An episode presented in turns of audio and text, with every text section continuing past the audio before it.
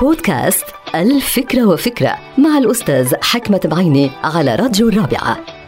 فكرة اليوم لها علاقة بأتيكيت التواصل الإيجابي في بيئة العمل. يعني علينا أن نبتسم قليلا لأن الابتسامة هي بداية كل تواصل ناجح وعلينا أن نصافح الآخرين بحرارة واهتمام أن ننظر إليهم باحترام. طبعا هيدي من بعض الشغلات اللي لها علاقة بالأتيكيت. أيضا علينا أن نعرف عن نفسنا بالاسم الكامل. لا يجوز استخدام الاسم الأول فقط. وعلينا أن لا نستخدم الهاتف الذكي أو ننظر إليه باستمرار خلال الاجتماعات أو ندخل مكاتب الموظفين من دون استئذانهم لأنه حقيقة هي مكاتب خاصة فيهم.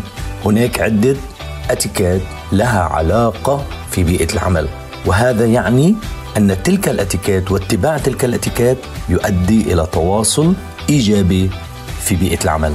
انتهت الفكرة. هذه الحلقة مقتبسة من كتاب الفكرة وفكرة.